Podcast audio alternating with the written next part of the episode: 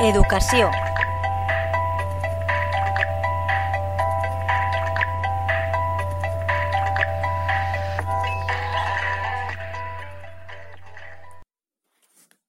Buenas tardes a todos los seguidores de la Tegua Radio.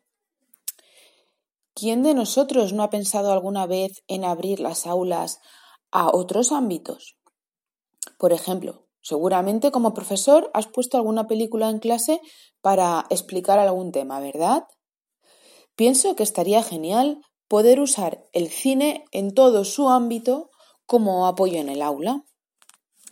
De esta idea nace Aula Film, una plataforma digital que fomenta el uso del cine como recurso indispensable para la formación.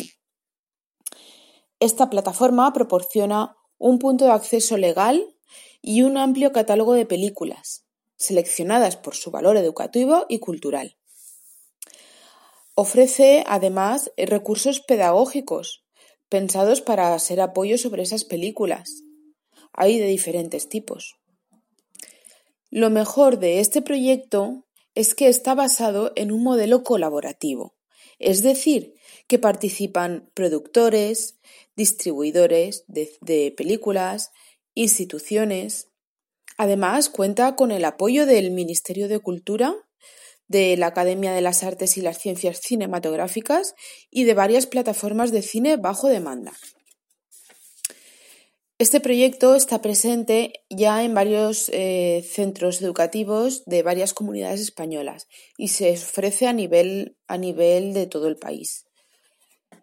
Eh, va dirigido como uso exclusivo a la comunidad educativa, es decir, al personal docente y a los alumnos de cualquier etapa y modalidad, desde infantil hasta la universidad. Si ya te va gustando y estás pensando en inscribirte, debes saber que la suscripción anual, con la suscripción anual podrás, en primer lugar, proyectar online todo lo que quieras. Hay más de 100 películas disponibles que, la que las puedes ver las veces que quieras. Pero también podrás organizar un pase especial en una sala de cine cercana a la localidad siempre bajo demanda, claro, y entra dentro del precio de la, de la suscripción. Bien, Aula Film no es un proyecto vacío. Tiene bien meditados sus objetivos y una gran cantidad de apoyos que también creen que los niños y jóvenes están hoy por hoy totalmente mediatizados. Ayúdales a entender, ayudarles a entender, a interpretar el torrente de narración multimedia que reciben cada día creemos que es indispensable. Yo también pienso que el cine ayuda a apreciar todo tipo de lenguajes audiovisuales, que potencia el pensamiento crítico y que despierta la sensibilidad artística.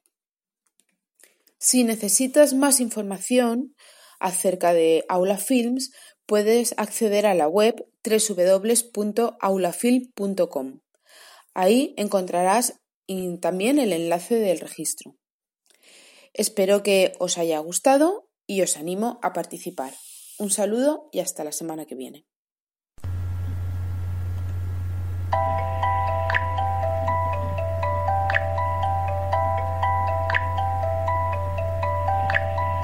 Educació